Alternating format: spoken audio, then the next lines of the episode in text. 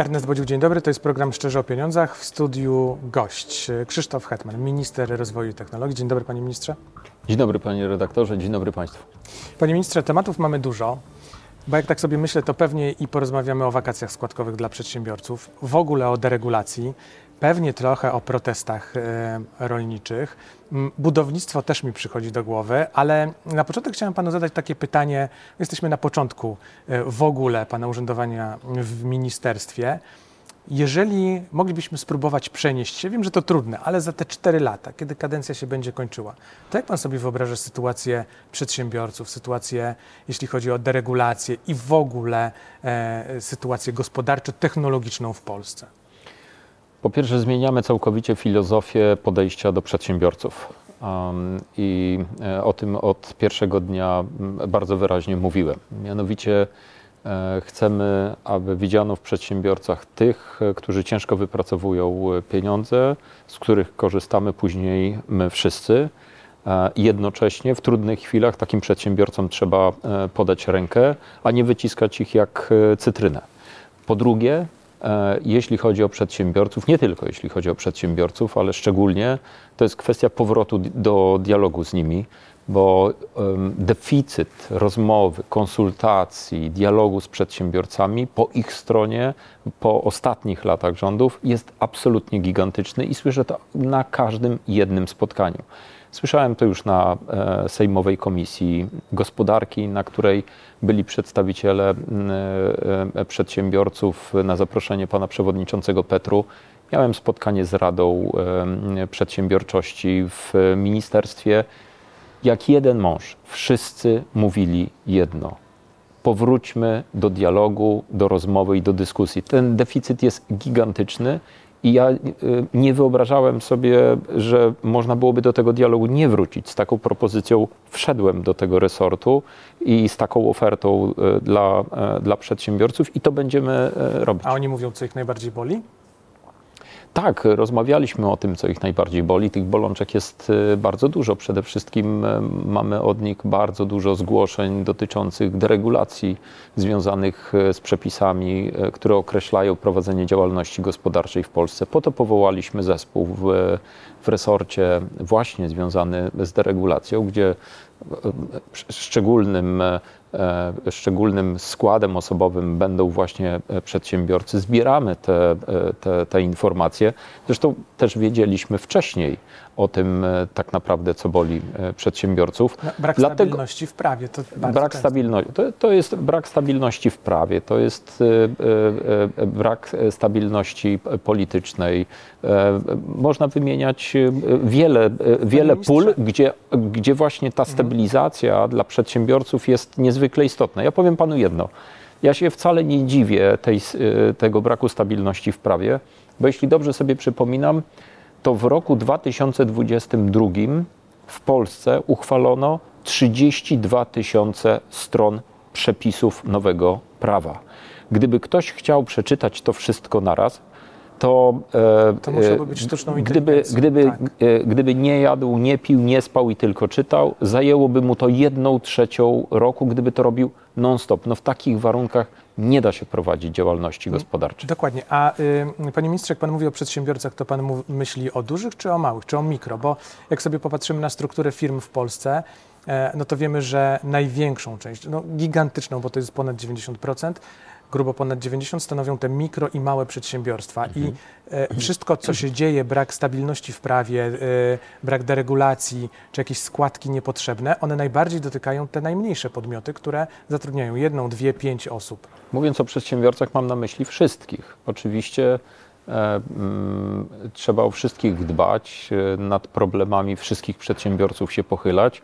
Oczywiście ci e, najmniejsi, samozatrudnieni, e, mikroprzedsiębiorcy, którzy zatrudniają e, do 10 osób, oczywiście e, potrzebują e, szczególnej uwagi. Ci mali, bo ci duzi mają e, możliwości, mają szanse, mają zasoby do tego właśnie, żeby przebrnąć przez te meandry chociażby przepisów e, prawa. Bardzo często są o wiele bardziej odporni e, na różnego rodzaju e, sytuacje, które destabilizują ich działalność gospodarczą, choć nie zawsze. chciałbym też być dobrze zrozumiany. Im ich także trzeba wspierać. Ale naszą rzeczywiście szczególną uwagę, naszą szczególną uwagę zwracamy właśnie na tych e, najmniejszych. Stąd między innymi pomysł i jego już realizacja wakacji, e, wakacji No składkowych od ZUS-u. Na czym to będzie polegało? Dowolny miesiąc w dowolnym czasie Mamy, roku? mamy w tej chwili projekt już na stole, projekt ustawy, który skierowaliśmy do konsultacji społecznych, międzyresortowych. E, Zakłada on na etapie przekazania ich do konsultacji, że m, przedsiębiorcy, mikroprzedsiębiorcy, w tym samozatrudnieni, będą mogli sobie wybrać jeden miesiąc w roku, w którym będą zwolnieni z, ze składki społecznej, ale żeby nie powodować w przyszłości zmniejszenia ich świadczeń emerytalnych, e, państwo uzupełni e, tą ich składkę. Żeby, Czyli taka klasyczne społecznej, wakacje. ale nie zdrowotnej. Społecznej, ale nie zdrowotnej. To Tak. jest poważniejszy Tak, problem. społecznej, ale niezdrowotnej. No, wiemy doskonale, że średnio, e, chociażby w tym roku e, składka dla przedsiębiorców wzrosła do poziomu tam 2,5 tysiąca złotych. Dlatego chcielibyśmy już te wakacje od ZUS-u wprowadzić jeszcze w tym roku. Po wakacjach? Tak, aby W wakacjach kalendarzowych. Tak? Mam, jestem przekonany, że do końca roku uda się to Mhm. zrobić, tak żeby ten jeszcze jeden miesiąc y, ci najmniejsi przedsiębiorcy mogli z tych wakacji od ZUS-u skorzystać, właśnie po to, aby im e, w tej trudnej sytuacji pomóc.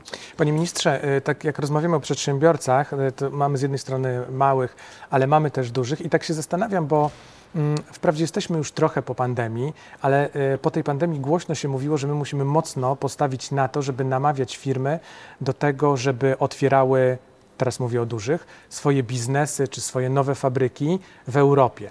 Polskie pewnie w Polsce, bo jak zostały przerwane łańcuchy dostaw, to pamięta pan, co się działo. Chiny się zamknęły i wszyscy leżeliśmy, tak naprawdę mówiąc kolokwialnie. Nie było różnego rodzaju No przerwane dóbr. zostały całkowicie Tak, łańcuchy czy dostaw. te duże firmy, będzie pan namawiał do tego albo zachęcał w jakiś sposób, żeby no one wracały do Polski, żeby ten patriotyzm gospodarczy Ja uważam, że nie tylko duże firmy, to nie jest tylko, to, to nie jest tylko no, większe niż mikro, no bo te mikro to nie tak, działają. no jasne. To nie jest przykład tylko i wyłącznie Polski, bo przecież e, całą swoją historię mają Stany Zjednoczone, gdzie im firmy wyjechały do Ameryki Południowej i do Chin.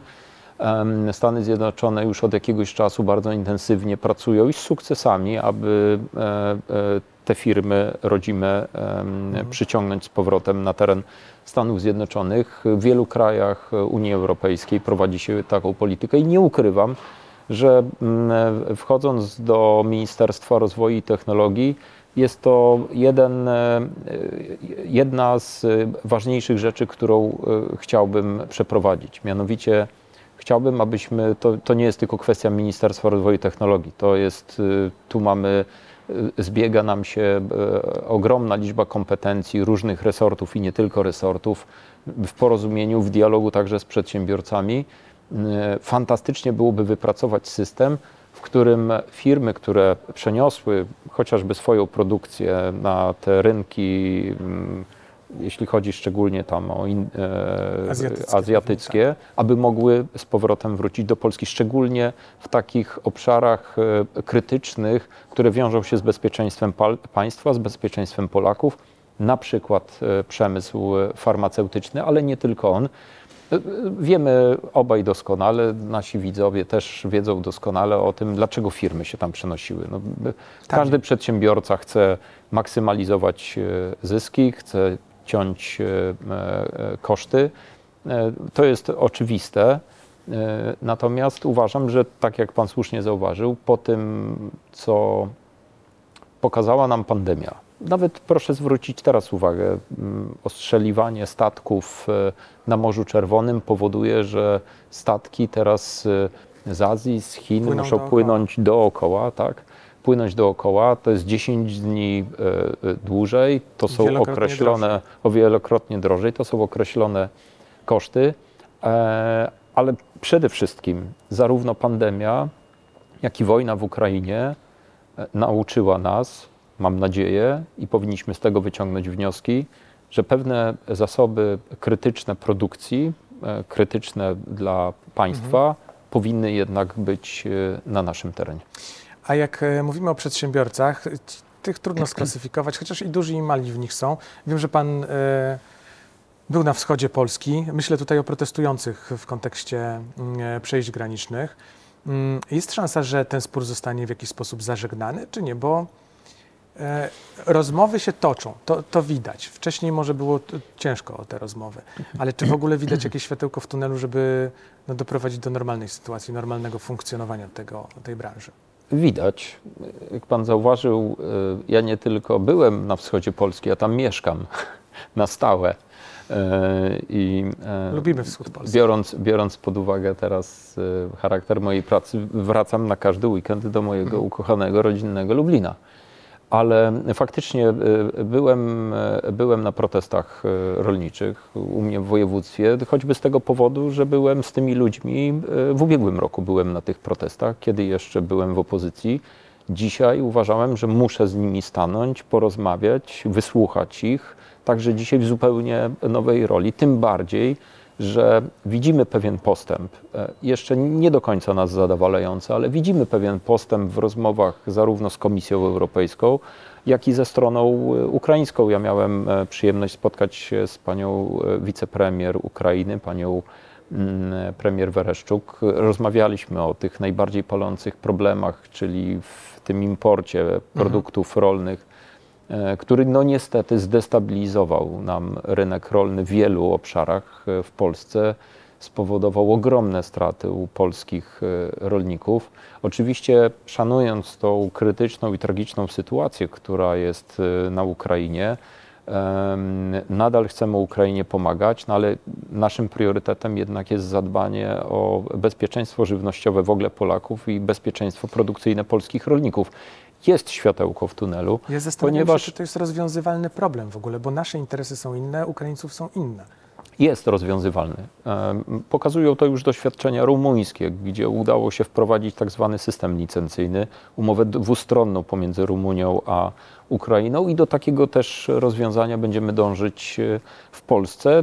Też o tym właśnie rozmawiałem z panią wicepremier, która e, z ogromnym zadowoleniem przyjęła, gdyby takie rozwiązanie zostało wprowadzone pomiędzy Polską a Ukrainą i ona bardzo wysoko oceniła e, ten system, który jest dzisiaj wprowadzony e, właśnie między Ukrainą a Rumunią. Ja wiem, że o deklarację pewnie trudno, mm, ale czy da się w ogóle dzisiaj zadeklarować, że przejścia będą funkcjonowały normalnie, nie wiem, za miesiąc, dwa albo pół roku? Ale przejścia funkcjonują już w tej chwili normalnie. Znaczy to Tranzyt, pro, tak. tranzyt, tranzyt, trzeba pamiętać o tym, że tranzyt produktów rolnych z Ukrainy jest prowadzony. Mamy w- wprowadzony zakaz e, importu czterech rodzajów zbóż na, na rynek e, polski. Natomiast rozmawiamy o wielu innych problemach, bo dzisiaj e, to dotyka plantatorów buraka cukrowego, bo jest e, ogromny, ogromny import cukru ze strony Ukrainy, owoce miękkie. No, Proszę sobie wyobrazić, że chwilę, w ubiegłym roku, roku. w ubiegłym roku, w 2022 roku e, e, cena maliny e, dla producenta e, oscylowała między 19 a 20 zł. Rok później, w 2023, ta cena spadła, proszę sobie wyobrazić, do e, 3,60, 3,80, tak? A koszty nie były e, niższe produkcji, no, a- wręcz były wyższe. Natomiast e, Malina na Lubelszczyźnie, no to jest to jest Zagłębie. Zagłębie, tak jest. Ponad Największy połowa rejon. produkcji, 70% produkcji maliny w Polsce to jest, to jest województwo lubelskie, tak Polska właściwie powiat, powiat kraśnicki. Do, dokładnie, Powiat a Polska w skali Europy tylko. jest największym, jak jednym z Dokładnie. I teraz- Czyli w zasadzie całą malinę produkuje się na Lubelszczyźnie. I teraz problem polega na tym, że e, 70 tysięcy ton produkcji rocznej mamy maliny, a na przełomie roku 2022-2023 e, z Ukrainy sprowadzono 40 tysięcy ton. Mhm. No, nie ma e, takiej siły, nie ma takiej możliwości, Nie żeby to nie wpłynęło na, na, na, na, polski, e, na polski rynek. I niestety to nie była malina, która jechała gdzieś tam tranzytem, tylko która u nas została w chłodniach. Stąd między innymi taki dramatyczny spadek ceny w ubiegłym roku. Stąd te protesty producentów owoców miękkich e, e, w ubiegłym roku. Ale tak jak mówiłem, byłem na tych protestach, przekazałem informacje e, e, e, rolnikom, producentom, e, w którym kierunku idziemy, e, jaki jest postęp rozmów z Komisją Europejską, jaki jest postęp rozmów z rządem ukraińskim i tak powiedziałem. Widzimy postęp, jeszcze nas nie zadowalający, ale mamy nadzieję, że skutecznie rozwiążemy ten problem, mając przede wszystkim na uwadze e, priorytetowo e, ochronę e, polskich producentów żywności, producentów rolników. I tutaj kapitalną rolę odgrywa pan minister Siekierski, bo to na jego barkach przede wszystkim to, to spoczywa ma niezliczoną liczbę spotkań. Był i w, i w Berlinie, rozmawiał z ministrem rolnictwa Niemiec. Ma kontakt e, z panem ministrem Solskim, ministrem rolnictwa w Ukrainie. E, odbywa rozmowy i spotkania z panem komisarzem, wiceprzewodniczącym Komisji Europejskiej, z panem Dąbrowskisiem. We dwóch mieliśmy z panem ministrem Siekierskim spotkanie z panem e, przewodniczącym, więc naprawdę w przeciągu jednego miesiąca E, panu ministrowi Siekierskiemu udało się załatwić więcej niż e, odkąd e, powstały problemy z niekontrolowanym napływem produktów rolnych, czyli od połowy 2022 roku poprzedniej ekipy. Panie ministrze, w nazwie ministerstwa jest jeszcze drugi człon technologii. I tak się zastanawiam, jak, jak pan to widzi, dlatego że E, my już od dawna chcemy odejść od wizerunku naszego kraju jako kraju, który konkuruje na rynku międzynarodowym tanią siłą roboczą. Polacy chcą coraz więcej zarabiać i zarabiają. I są pomysły na to, żebyśmy technologicznie w niektórych branżach się e, rozwijali. No, co dla Pana ta nazwa minister technologii oznacza? Pan, można podać chociażby mm, mm, przykład tego, że drugi Polak w historii, astronauta, pan doktor Sławosz Uznański, jest plan taki, aby w drugiej tak. połowie tego roku e, poleciał e, w kosmos. Pokonał, już nie pamiętam w tej chwili, pokonał chyba kilka tysięcy kandydatów, którzy chcieli, mm, e, chcieli polecieć ten kosmos, ale to nie jest wycieczka. Pan doktor e, Uznański przeprowadzi tam kilkanaście różnego rodzaju eksperymentów badawczych. Generalnie rzecz biorąc, uważam, że tutaj mamy ogromną, jako Polska, polscy przedsiębiorcy, mamy ogromną szansę, bo możemy w pewnego rodzaju przeskoczyć taki etap, który przeskoczyliśmy w systemie bankowym. Bo kiedyś no tak. obracaliśmy gotówką, tak. później gdzieś tam w świecie były tak. czeki, a później były y, y, karty y, kredytowe. Myśmy ten etap czeków całkowicie przeskoczyli. Amerykanie do dzisiaj ich używają. Dokładnie. Z gotówki przeskoczyliśmy na karty kredytowe. Dzisiaj, mimo że wydawałoby się, że nie jesteśmy jakimś liderem jeśli chodzi o technologi e, technologie kosmiczne, które się nieprawdopodobnie e, rozwijają, także w Polsce, możemy właśnie ten etap czeków przeskoczyć. Nie tylko dzięki tutaj sukcesowi osobistemu pana doktora Uznańskiego, ale także inwestycji właśnie w te technologie przez, przez państwo polskie. Ja mogę naszym widzom tylko powiedzieć dla przykładu, że Dziś każdy korzysta z mm, aparatów cyfrowych, tak? z fotografii, fotografii cyfrowej jest ona wszędzie, w każdym jednym telefonie czy aparacie. E, fotografia cyfrowa to jest wynalazek e, właśnie, e, który, który, który stworzyły loty kosmiczne. Potrzeba lotów kosmicznych. Można powiedzieć o odzieży ochronnej. Nie wiem, czy Państwo wiecie, że czujniki dymu i ognia to także jest pokłosie lotów kosmicznych. Coś, co dzisiaj ratuje życie e, wielu, wielu osobom i w wielu budynkach użyteczności publicznej, w wielu prywatnych domach, e, budynkach użyteczności publicznej praktycznie wszędzie, a w wielu prywatnych domach takie czujniki dymu ja sam osobiście mam e, zamontowany, więc jak myślimy gdzieś tam o tym kosmosie, to nam się to wydaje jakieś odległe, jakieś takie bardzo no, no bo amerykańskich co, co filmów kosmos, się naoglądaliśmy. Tak, tak, co ten kosmos. Tylko oni latają w Naprawdę, kosmos i ratują świat.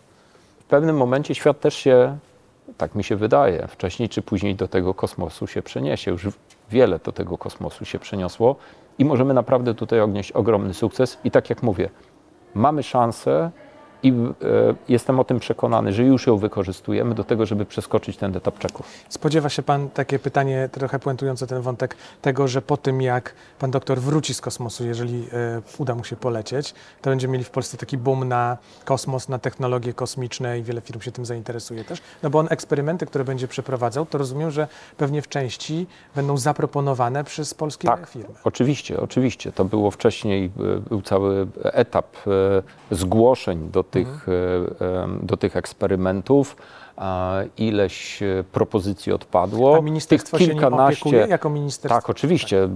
Fi- Finansujemy, w- Mhm. e, finansujemy to wszystko jako, jako państwo polskie z budżetu To państwa. jak wróci, to po Chcę- powrocie we dwóch panów zapraszam tutaj. Bardzo proszę. E, Myślę, że to wtedy będzie mówił przede wszystkim pan, pan doktor Uznański. Natomiast e, my jako państwo, jako budżet państwa jesteśmy w to zaangażowani. W to wchodzą w grę dziesiątki milionów euro. To jest, e, to- to jest, mm, to jest kosztowna e, sprawa, ale jestem przekonany, że zwrot będzie e, wielokrotnie wyższy.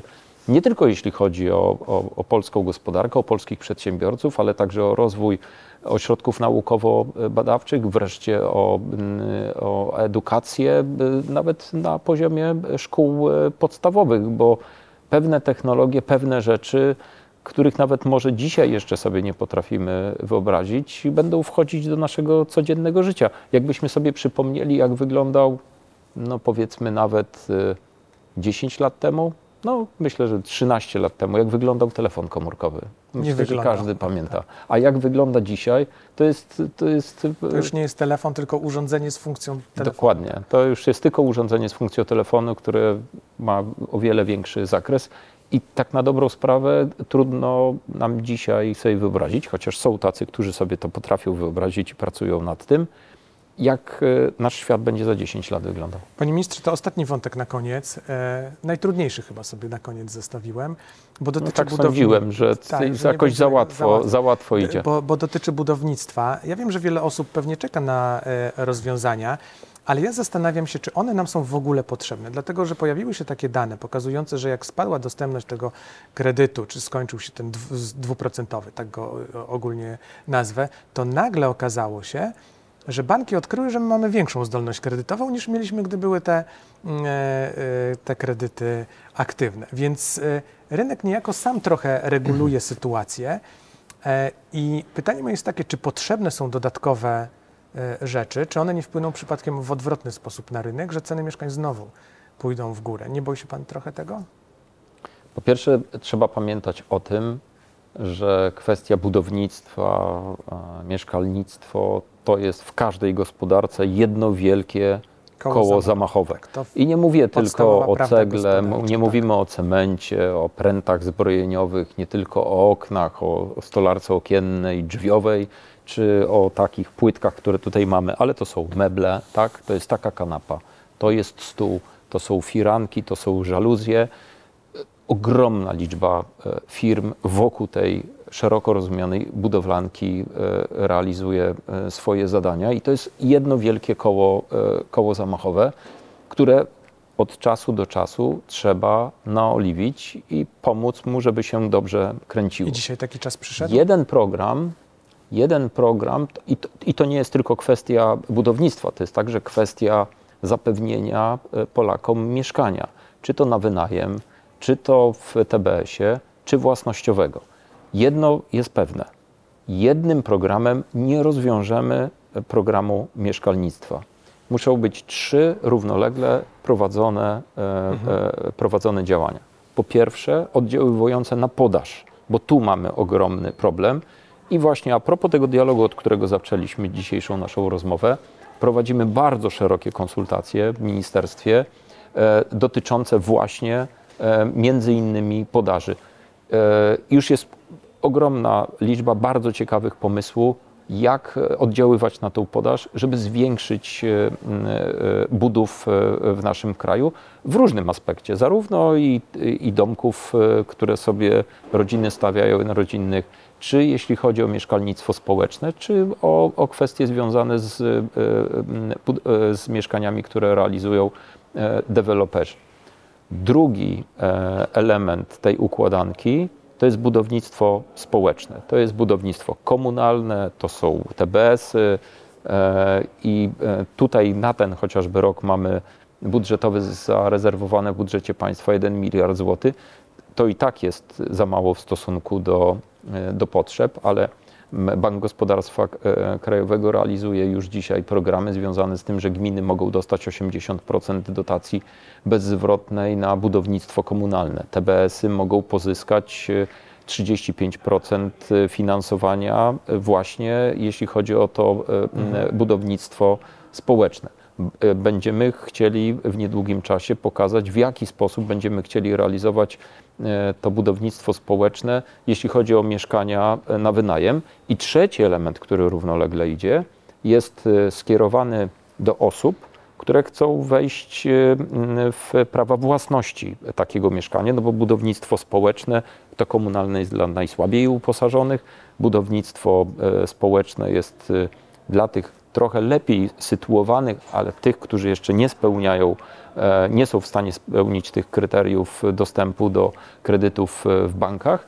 Natomiast trzeci element to jest pomoc dla kredytobiorców, którzy chcą wejść na własność e, mieszkania. Dzisiaj mamy taką sytuację, że wciąż inflacja jest wysoka, kredyty są wysoko oprocentowane i ogromna liczba, szczególnie rodzin z dziećmi, bo im więcej członków e, w gospodarstwie domowym, tym zmniejsza się ta zdolność kredytowa. Zdolność kredytowa. Chcielibyśmy właśnie odpowiedzieć na potrzebę tych rodzin z dziećmi, które chcą wejść na własność mieszkania, bądź chcą sobie poprawić e, ten, ten komfort życia, mając już jedno mieszkanie, ale za małe, ponieważ urodziły się kolejne dzieci, chciałyby kupić mieszkanie kolejne większe taką pomoc chcemy im zaoferować w bardzo szeroko konsultowanym e, programie mieszkania, mieszkania na start. Ale chciałbym zwrócić jedną bardzo ważną uwagę, że w tym naszym, e, naszej propozycji mieszkania na start